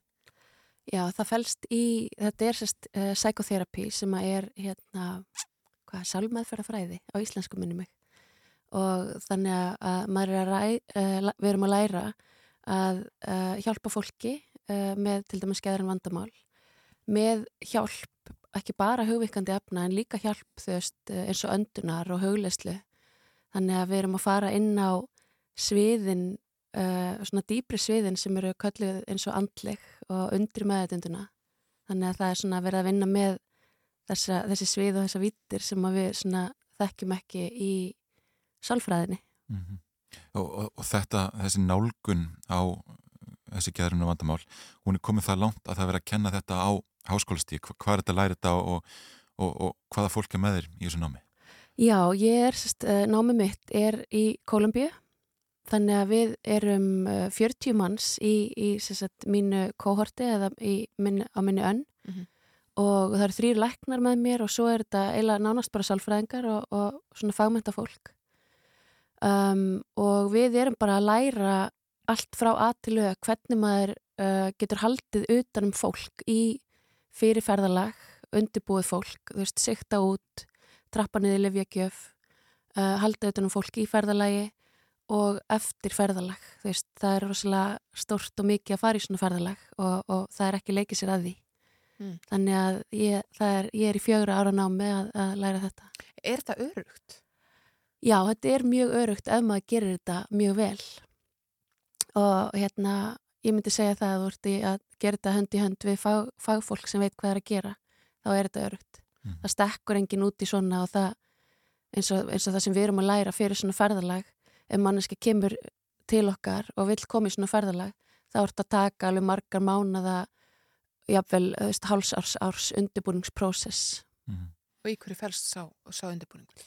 Hann fælst í sjálfskoðun, uh, svona skoða af hverju, þú veist, af hverju vill maður koma, hvað viltu fá út úr þessu og hvað ertu tilbúin að gera til þess að gera breytingar í lífiðinu. Mm. Að þetta snýst ekki um bara að fara að, taka sér lif og eitthvað gerist. Það þarf að, að hérna, breyta orðslega mörgu í lífinu oft. Má þarf að reynsa til, kannski reynsa til í mataræði, hæja á sér, svona skoða hvaða þættir eru í lífinu sem eru í rauninni toxic sem að maður er ennþá fastur í að gera, kannski ekki meðvitaður um. Þannig að við förum í bara svona djúpa sjálfskoðun í rauninni og, og bara ferli svona, já, ferli í kringu það. Já, eins og snæður og snefnir, sko, þá held ég að margir spyrir sem eitt hvort þetta sé örugt og við vitum það að bara með hefðbundin lif, uh, þar fólk ofta prófa sig áfram, prófa mismunandi þunglindislif og kvíðalif og, og, og, og bara sum lif virka ekki og, önnur virka, er ekki möguleiki að já, einhver hefðilegt bara geti gæst fyrir einhverja ákveðna einstaklinga sem er að, að, að nálgast þetta með ofskynna sveppum til að mynda. Sko, eins og til dæmis með ofskinnasveppi, sílosípin, það efni er alveg einstaklega gott fyrir tögakerfið. Þannig að mikrodósing með sílosípin er, uh, myndi ég segja, það er það sem ég veit, uh, ofbáslega gott fyrir tögakerfið. Uh, að fara á stórt svona sílosípin tripp eða ofskinnina tripp að leitn eitthvað staðar í óörgu umhverfi, það getur eitthvað hæðilegt gerst. Um, en bara eins og með livjagjöfu, þú ert að fara til læknis ef hann gefur þér hvíðað þunglindislif, það gerist ekkert hræðilegt, yfirleitt ekki. Og ég held að sé að svona sama með í þessu, það er engum hend út í einhver, einhver lif eða livjaskamt sem að er óurugur Mhm. þannig að hérna, það sem skiptir mestu máli í öllu með lif og livjagjafir er að vanda sig og gera vel. En sko, eh, fyrir það sem horfðu á, á kveikiger þá var lýsing á svona trippi eða sem þú kallar ferðalag uh, þar sem að, að við komandi hitti alls konar fólk, jafnvel látna ættingja, uh, svo er eins og eh, sko bókstaflega upplifir hana að það sé hönd sem að tekur myrkrið úr honum og hann vaknar allur annar. Mhm. Þetta hljómar mjög ótrúverðugt. Þa, það er bara þannig, þetta hljómar eins og þetta bara geti ekki átt sér stað, það geti ekki slíkar ofskinnir átt sér stað sem skili ykkur um árangri. Eh, Sko, hvað hérna?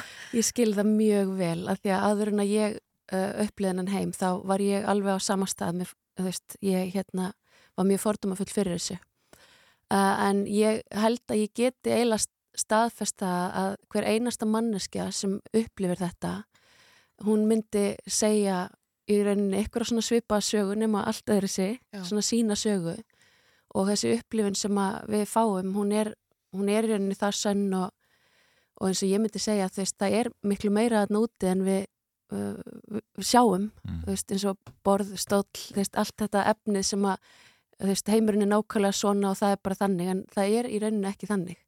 Og það er bara uh, sama sem dæmi hjá öllum sem að fara í eitthvað svona ferðalag að skinja eitthvað svona vittirnar, eitthvað vittir eða heima sem við sjáum ekki.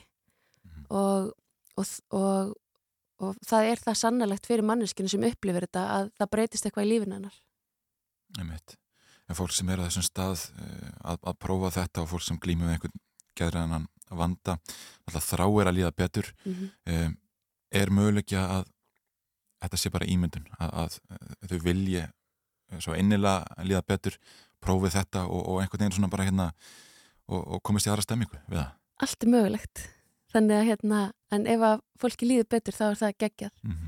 Þannig að ég myndi segja bara allt er mögulegt. En ef að, ef að svona ofbáslega mörgum líður betur við að, við að gera þetta og gera þetta rétt, þá myndi ég segja að það væri bara frábært. Já, en er sko í þessu námi sem þú ert í, þeir náttúrulega fara yfir hvernig er best að, að haga þessum málum en er verið að fara yfir einhver vísindi sem liggja þarna að baki Já, já, ég er til dæmis í efnafræði kurs núna Mhm. og um, já, þetta er bara svona, það er allur, allur skalin af uh, öllu sem að þarf að læra, þess, þannig að ég er í efnafræði, skamtafræði, uh, hvernig á að bara, veist, hérna, læra á alla geðsjúkdómana og hvernig á að huga að fólki fyrir og eftir og hvað má alls ekki gera og þannig að þetta er, hérna, þetta er mjög þungt. En sko, en hvað með svona langtíma áhrif? Hva, hvað hefur verið rannsakað í þeim efnum? Hversu lengi virkar það fyrir eitthvað sem að, að ég upplifir það að, hann fái líkn sinna andlegu meina með því að fara á tripp eða með því að taka fara í smáskamtana sem að, að veit gefa ekki ofskinanir en, en, en virðast að, að mati sumra að minnst bæta líðan í eitthvað tíma. Hvaðan búist þið að þetta vari lengi? Um, já, það er náttúrulega bara misjamt auðvitað en um, En, getur fólk þurft að fara í mörg ofskinnar? Já, það er, oft, það er alveg talað um það þegar fólk er að glíma við kannski eitthvað djúft tráma úr æsku að þá þurfi kannski þrjú til sex skipti Já. og þá getur það og þá talað um að manneskinn komi aftur þegar hún er tilbúin og það getur verið eftir mánuð, þrjá, halvt ár eða þrjú ár þannig að, að það er náttúrulega allir gangur á því en það er náttúrulega líka bara eins og með að, veist, að tampust okkur, við getum ekki tampust okkur á mánudagi að haldi, að það, haldi út alla vikuna. Við þurfum að halda öllu við og það er líka með breytingunum sem við þurfum að gera í lífi okkar. Veist, eins og bara að, að borða holt að, að, að, að minka álæð á taugakerfið. En sko hvað með það sem að horfa þáttinu gær og það glíma kannski ekki við en geran, uh, sko, geran vanda þannig við myndum öll lendi í einhverju og, og allt það og það situr eitthvað eitthvað gömul, gömul kerkja eftir í okkur og svo framvegis en, en sko sána þátt og hugsa bara þetta er eitthvað fyrir mig það, veist, Mm. er þetta fyrir fólk, ég meina hvað gerir það fyrir fólk að fara á svona tripp sem að er kannski ekkit sérstaklega þunglund eða hvið Já, ég hef til dæmis aldrei verið þunglindi eða kvíðin Nei. og uh, ég bara, þetta kallaði bara á mig að skoða þetta. Veist, Ég var svona, veist, ég hef alltaf verið svona kannski andlega þengjandi ef maður, maður kallaði þannig og þannig að kallaði á mig að skoða þetta. Þannig að ég myndi segja að það kallar á einhvern að skoða þetta, að skoða þá og þú veist, að googla fyrir sig, ekki hlusta á þú veist, hvað þessi segir eða trúa mér eða trúa þættinum, heldur bara að googla og skoða og lesa og ef þetta kallar ekki á þig, þá kallar þetta ekki á þig og þá myndi ég bara ekkert vera að spá í þetta Nei. en fyrir þá sem þetta kallar á þá myndi ég bara hvetja til þess að hérna, lesa sér til Já. það er, já, Já, en síðan er náttúrulega kannski hérna, oft erfitt að vera að googla þegar maður er að reyna að komast úr einhverjum uh, læknisfræðilegum eða geðrænum vanda. Er ekki ágætist þumabjóta regla bara að, að, hérna, að fara á svona nokkurn veginn þá leið sem stjórnvöld marka? jú, algjörlega og hérna og bara algjörlega að fara, fara eftir lögum en það sem að við erum að vonast til núna er að það er verið að lögleiða þessi lif í meðferðarformi að hérna sagt, það, er, það er, eru breytingar í heiminum.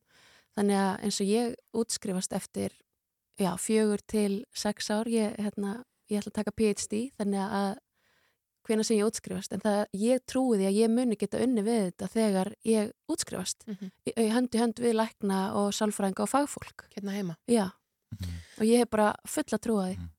Er, er mikið um þetta hér á landi? Þekkir það? Ég, ég, mikið og ekki mikið, ég veit það ekki því að fólk náttúrulega bara er veist, þetta er ólulegt og, og fólk er ekki að fara mikið með það en það er eitthvað um þetta að, hérna, en þú veist, mér langar að með skipta máli að gera þetta vel, þú veist, gera þetta rosalega vel og vanda sig og maður leikur sér ekki að þessu.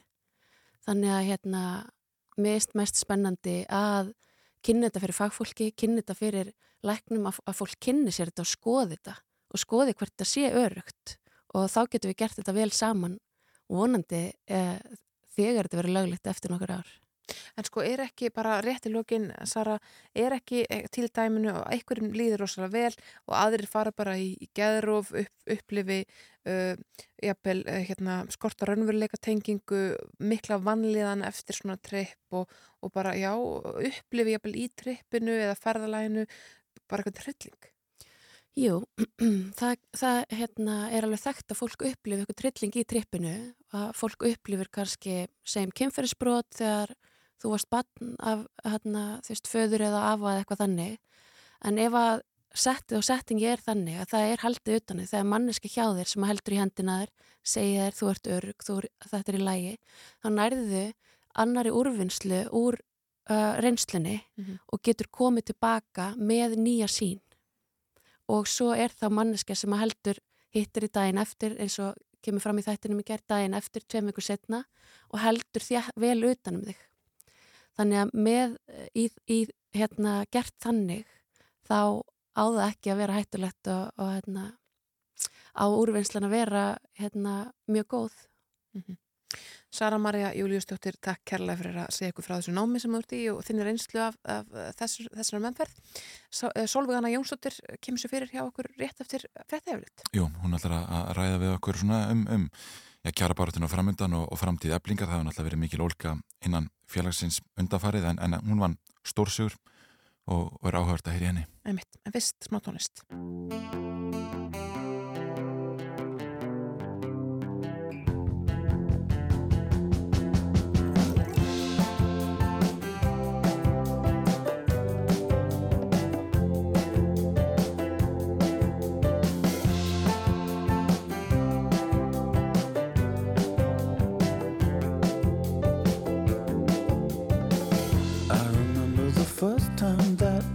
Felt this weight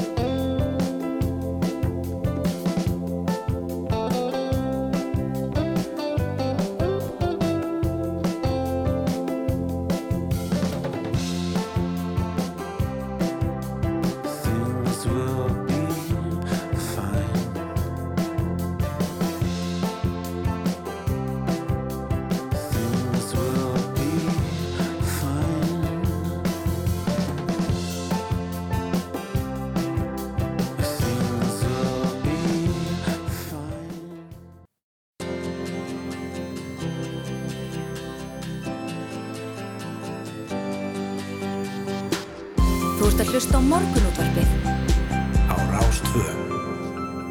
Jú, jú, uh, þá er uh, setni háleikurinn uh, langt liðin hér í morgunundarpinu. Sólega hana Jónsdóttir uh, nýr formaður eblingar kemur sér fyrir hjá okkur hér rétt eftir skamma stund en fyrst ætlum við að heyra lagið Oh My God með Adele.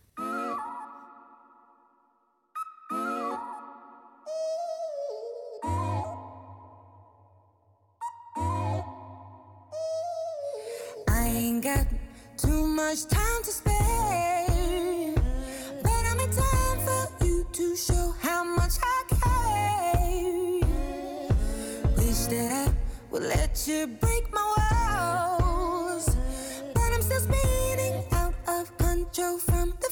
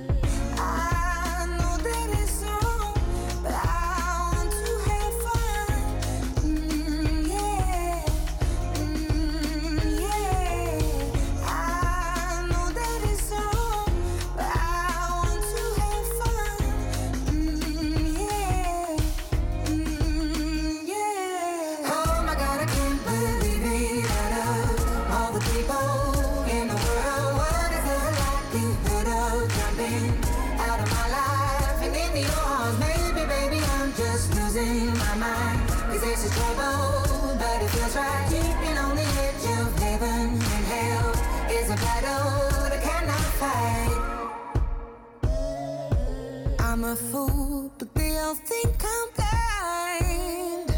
I'd rather be a fool than leave myself behind.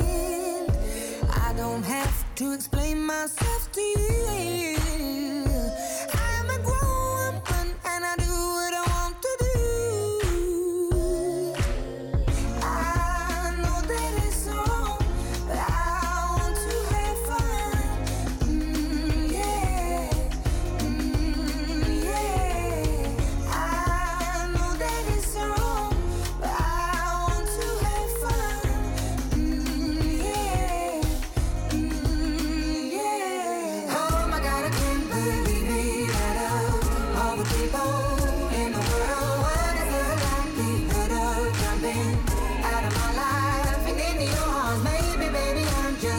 in my mind.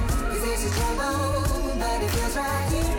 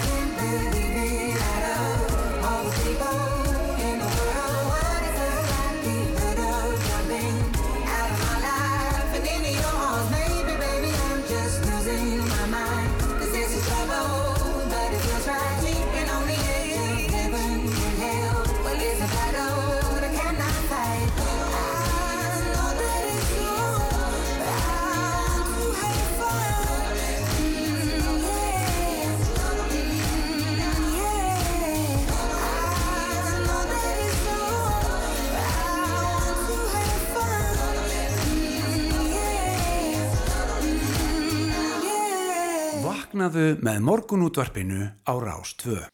eins og framöfu komið í fréttum í morgun þá segir aðeim Solveigana Jónsdóttir í formanskjöri eblingar í gerkvöld með 2047 atkvæðum eða 54% af heildar atkvæðum. A-listi Ólafar Helgu Adolfsdóttir fekk 1434 atkvæði og sélisti Guðmyndar Jónatans Baldurssonar 331 og Solveigana er komin ykkar til okkar, góðan daginn og hlaðum ekki með endurkjörið. Takk kærlega fyrir. Sko, þessi, niðurstað virðist vera nokkuð afgerandi, þú lítur að vera hæst ánað. Já, auðvitað er þetta afgerandi niðurstað og ég og félaga mínir á barðulistunum erum mjög ánægð.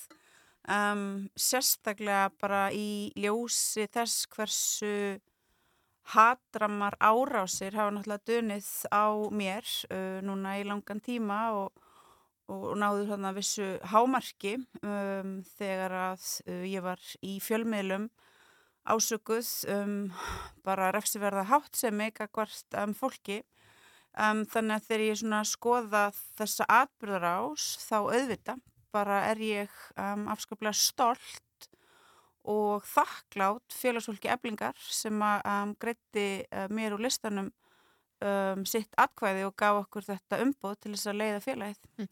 Sko, hverju þakkar þennan árangur? Að meina eins og þú nefnir, þú, þú var sökuð um refsiverða háttsemi og ógnarstjórn, Mhm. sko, hvernig má vera að þú er unni með þetta, þetta miklu meirluta? Um, já, þetta er auðvitað bara mjög góð spurning og um, ég held að ástæðan fyrir því að okkur tekst þetta er svo að það er bara um, hópur af eflingarfólki sem að um, hefur náttúrulega bara fylst með um, störfum mínum og félaga minna hefur bara verið ánægt um, og, og já, glatt yfir þeirri svona endur nýjun um, sem við höfum um, komið með inn í félagið og svo auðvitað þeim raunverulega árangri sem við höfum náð í þeirri kjara baráttu sem við höfum leitt. Og svo auðvitað var ég með hóp af bara frábæri fólki, sjálfbáðilegum stöðningsfólki sem að um, tóka sér til dæmis að ringja í félagsfólk til þess að hvetja allar kjósa og svo framvegis. Þannig að um, bara margir auðvitað svona þætti sem koma saman og svo held ég reyndar líka að um, bara he heiðvirðu fólki he- heiðvirðu fólki sem að greiðir félagsgjöld í eblingu og, og e- eru henni rétt með eigendur félagsins hafi á endanum bara uh, misbóðið mjög um, mikið um, svo trillta stemning sem að reynd var að, að magna upp alveg viðstöðlöst. Það er náttúrulega verið talsir ólga núna einar félagsins undanfarnar vikur á mánuði. Það lítur að vera talsir vinna framöndan við það að, að sko, samina að einhver leiti sundraðar heimingu. Sko, um, úst, innan eblingar hef ég um, aldrei nokkru sinni gagvart félagsfólki farið fram um, sem einhvern veginn rödd sundrungar, bara þvert á móti. Það skiptir mig ótrúlega miklu máli að þetta sé stert og öflugt félag og ég bara veit um, að það gerist með samstöðunni. Þannig að ég hef ávalt um, lagt mig fram um það að bara starfa um, me- með hérna bara góðu, góðum um, stjórnarháttum, gagvart félagsfólki. Ég hef lagt rosalega mikla áherslu á það að um, til dæmis í kjærbartu að fara aldrei fram með neitt nema ég um, upplifa að ég sé búin að fá hérna um, líðræðislegt samþykki á þeim líðræðislegu vettvöngum sem að félagið hefur. Þannig að ég bara vona af öllu hjarta að þessi niðurstaða sem að nú hefur komið um, gerir það að verkum að um, þær svona rattir um, innan um, félagsins um, kannski sem hafa farið fram með þessum ofsalega hatrama hætti þagni og að mér og félögum mínum gefist sá vinnu friður sem að við augljóslega þurfum eigum við að geta um, farið til dæmis að undibúa kjærasamninga og bara eigum við að geta einmitt haldið áfram þessari mikilvægu vinnu að um, breyta þessu félagi í það sem það á að vera. Um, þannig að já, ég hérna auðvitað get ekki á þessum tímapunkti afdráttarlöst einhvern veginn svara því eða spáð fyrir um hvað verður en ég ætla að lega mér að vera bara mjög vongóð um að hlutinni gangi vel. Sko að við förum bara aðeins yfir fyrirkomulægið eins og þetta er. Eh, Þýðir það að baráttuðistin hafi unnið 54% atkvæða, þýðir það að þú hafir alla stjórnina núna? Já, sem sagt, nei, þetta virkar þannig afsakið, að um, það eru 15 manns í stjórn annað árið um, kemur þá inn um, formaður og sjö meðstjórnendur, hitt árið varaformaður og sex meðstjórnendur. Um, en uh, ég bara aftur segi það, ég bara vona af öllu hjarta að um, það verði ekki átök á þessum svona líðræðislegu vettvöngum félagsins og ég ætla að lega mér að vona það þannig að annað kemur í ljós. Já, einmitt. Þú sagðir við talið við kjarnan fyrir nokkur síðan að, að, hérna, að þú hefur óskaðs að það beittir öðruvísi og ekki á svona mikilli meðvirkni, gagvart mistökum og ruggli. Eh, ég held að margir eru upplegað það að það færi svona meiri harka í kjarabartuna þegar þú kemur inn í eblingu og Ragnar Þór inn í, inn í vaffer. Maður búist við þá enn meiri hörku núna og verða stjórnarhættirnir að einhverju leiti öðruvísi. um, hörkurt þá meina eins og í kjærabartunni Já. um, ég bara ég er, er núna búin að vera að segja sama hlutin, ég ætla bara að segja það aftur vegna þess að þetta er mín raunverulega um, skoðun. Að um, fari svo að þau sem að fara með völd í þessu samfélagi, efn, efnagsli völd og pólitísk völd skilji að þær aðstæður um, sem að mæta verka og lálunum fólki hér á höfuborgarsvæðinu eru um, óásættanlegar að mörgu leiti um, uh, skiljiðu þetta bregðustu við kröfum okkar að sangirni um, og með það svona hérna markmið að í stað þess að auka ávalt stéttskiptingu og misskiptingu um, skiljiðu að slíkt eitra samfélag og það er mikilvægt að emitt draga úr henni með mjög markusum hætti þá auðvita um, þarf ekki að vera harka í kjærasamningum. Þetta er svo rosalega basic og augljóst. En fari svo að um, kröfur okkar sé einhvern veginn bara virtar að vetti og það sé ekki hlusta þá augljóslega um, um, mun ég náttúrulega uh, fara fram með, með þeirri hörku sem að ég og félaga mínir teljum nöðsynlega til þess að ná þá kröfum okkar í gegn. Um, varðandi svona aðkomu mína að því að vera líraðislega kjörin formaður um, í þessu félagi og, og starfa á skrifstofu ég vona að um, uh, það eigi bara eftir að ganga vel. Ég, ég vona að um, eftir þá orra hríð sem að staðið hefur yfir þá getum við komist yfir í um, eðlilegra ástand. En ég er auðvitað bara tilbúin til þess að gera það sem þarf til þess að ég og félaga mínir fáum þennan vinnufrið sem við auðvitað eigum skilið um, þannig að við skulum bara svona sjá hvernig hlutinni spilast út núna á næstunni Mm. Það er fólk sem að stegi fram í aðdraganda þessara kostninga, nafngrind fólk sem starfar á uh, skrifstofum eblingar sem að stegi mjög hart fram gegn þér og, og með ímsar ásakanir. um, er þessu fólki bara sálfætti vinnunni eða hvernig er staðan? Já, ég meina það er náttúrulega manneskir þarna sem að hafa einmitt farið fram með þessum bara grófu ásökunum, mannorðsmeiðandi um, upprópunum og svo framvegis um, já, er náttúrulega þurfa auðvitað bara að axla ábyrð á sínu framferði um, líta í eigin barm og um, einmitt bara taka taka svona kannski svona já, me meta svona þá, þá stöður sem að um, þau sjálf hafa komið sér í með um, sinni yfirgengilegu framkomi Gætið þú unnið áfram með þessu fólki? um, ég get náttúrulega og hef bara alltaf getað unnið með fólki sem að um, sýnir mér um, bara vinsamt og virðingu. Um, ég hef ávallt lagt mig fram um að reyna að sína öðru fólki sem ég starfa með vinsamt og virðingu. Þannig að ég hef ekki verið vandamálið í þessum samskiptum. þannig að ég hérna já, við skulum bara sjá hvað gerist núna á næstunni. Hvað með Viðar Þorstinsson sem hann var frangotastjóri eblingar, uh, mikill félagi þinn en, en fekk yfir sig svona hluta af þessum ásökunum meðan svona hvernfyrirleikningu og, og ógnarstjórn uh, að vera með svartan lista og svo framvegis og segja fólki fyrirvaralust upp. Verður hann uh, frangotastjóri eblingar aftur þegar þú tekur við stjórnumtömmun? Um, það sem að þú ert hér að vísa í eru niðurstöður um, sem að samt á endanum virðast ekki vera hennar einlegu niðurstöður úr þessari úttækt sem að gerð var. Mhm. Það sem að gerist og það sem er náttúrulega algjörlega ótrúlegt er að de deginum eftir að kostningarnar um, hefjast í eblingu þá sendir starfandi frankandastjóri og starfandi formaður sem að bera um, ábyrð á öllum uh, rekstri skrifstofunar og félaginu frá sér yfirlýsingu til fjölmiðla þar sem að einmitt viðar og ég erum ásökuð um þessa hluti. Um, þetta er náttúrulega með miklum ólíkindum um, þessi einbeitta aðför að mannorði okkar af þessu manneskjum og um, þessi að mínu viti þessi svona einbeittu ingripp inn í þetta ferli sem þessar kostningar eru og þessi tilrönd til þess að hafa að mínu viti áhrif á neðustöðunar.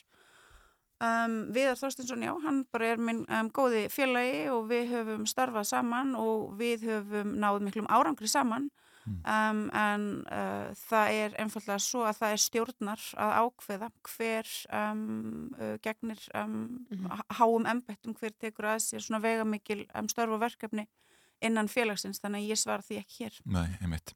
Morgunblæði greint fyrir því í morgun að þrjár konur fyrirverandi starfsmenn eblingar hafi stemt félaginu fyrir hérastum Reykjavíkur vegna meintra kjara samningsbrota um, formansbarotan, uh, hún er alltaf búin. Um, þetta var alltaf liður í, í henni Um, ég hef náttúrulega ekki séð þessa stefnu og enn og aftur þarf ég að mæta í fjölmiðla og um, reyna einhvern veginn að svara fyrir eitthvað sem að beintir gegn mér en ég hef ekki séð. það er auðvitað mjög ótrúlegt að vera einhvern veginn í þeirri stöðu en eina ferðina.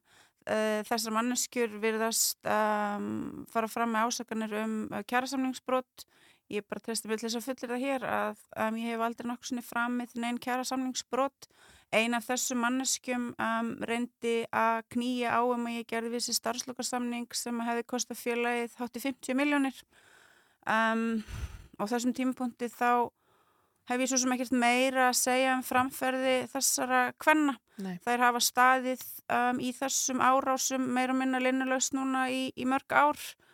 Um, Hvaða hag hafa þær á því að, í þessum Já, árásum? þær náttúrulega virðast hafa lögmann sem hefur um, hlýtur að vera talið um trúum að það sé eftir einhverju að sækjast hjá þessu félagi sem þær störfuðu hjá félagi verka á láluna fólks félagi sem já, þær reyndu að hérna fá til þess að samþykja um, greiðslur sem þær áttu ekki heimtingu á, því var neitað og, og heftin verðist bara hafa vaksið um, stöðugt síðan þá.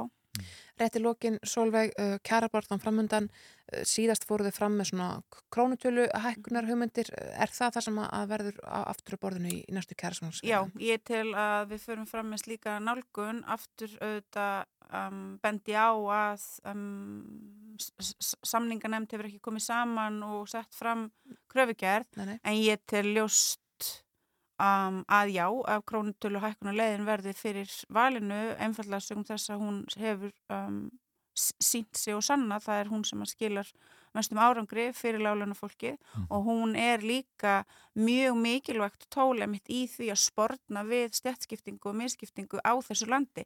Ef að prósentulegin er að farin þá er það svo að þau sem að hafa mest, fá mest, þau sem að hafa minnst, fá minnst. Það er auðvitað fráleit nálgun um, í, samfélagi sem vil kenna sig við einhvers konar réttlæti og jöfnuð.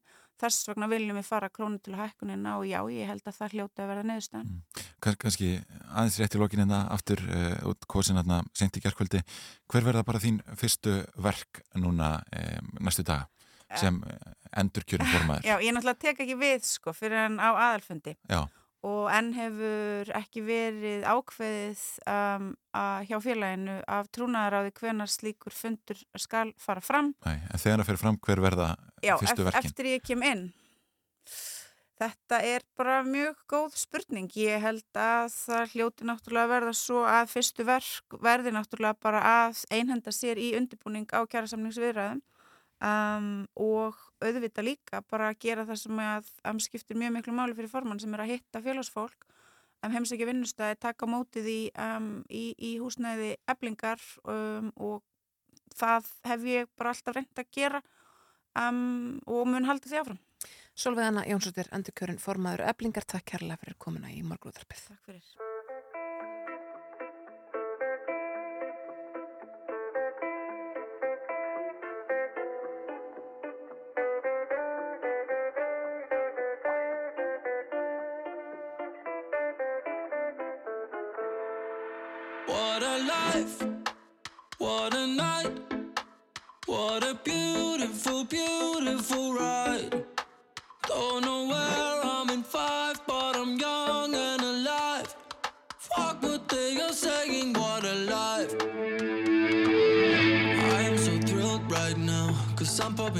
Right now. Don't wanna worry about a thing. But it makes me terrified to be on the other side. How long before I go insane? I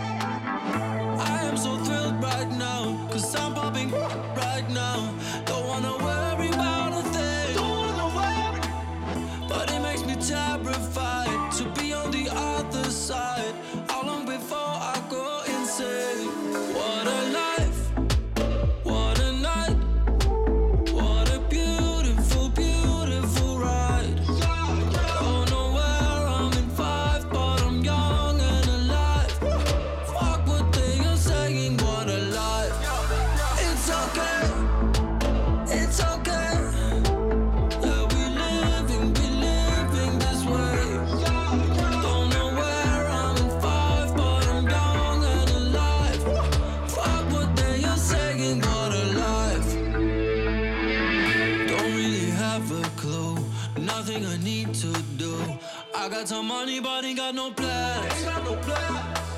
It's making me paranoid to float like an asteroid. How long before I go insane?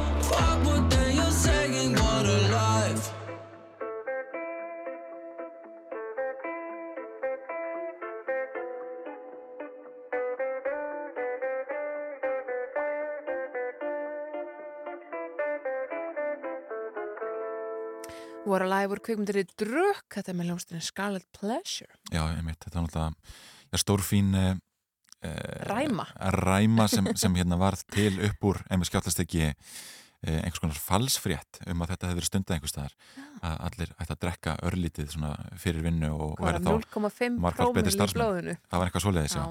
Þetta, þetta fór ekki vel að alltaf skemma myndinu fyrir nei, nei, nei, nei, þetta var ekki mynd sem kannski, já, já, endaði vel endilega, en ég held að flestir hafa nú séð þessa mynd e, á þessum tímapunkti. En við erum búin að fara nokkuð við það í þættum í dag, við vorum að ræða við Solveig Önnu Jónsdóttur, hún var endurkjörinn formaður eblingar sendi í gerkvöldi. E, hún rætti við okkur svona um, um kjara barátuna og framundan og það sem tekur núna við. Mhm.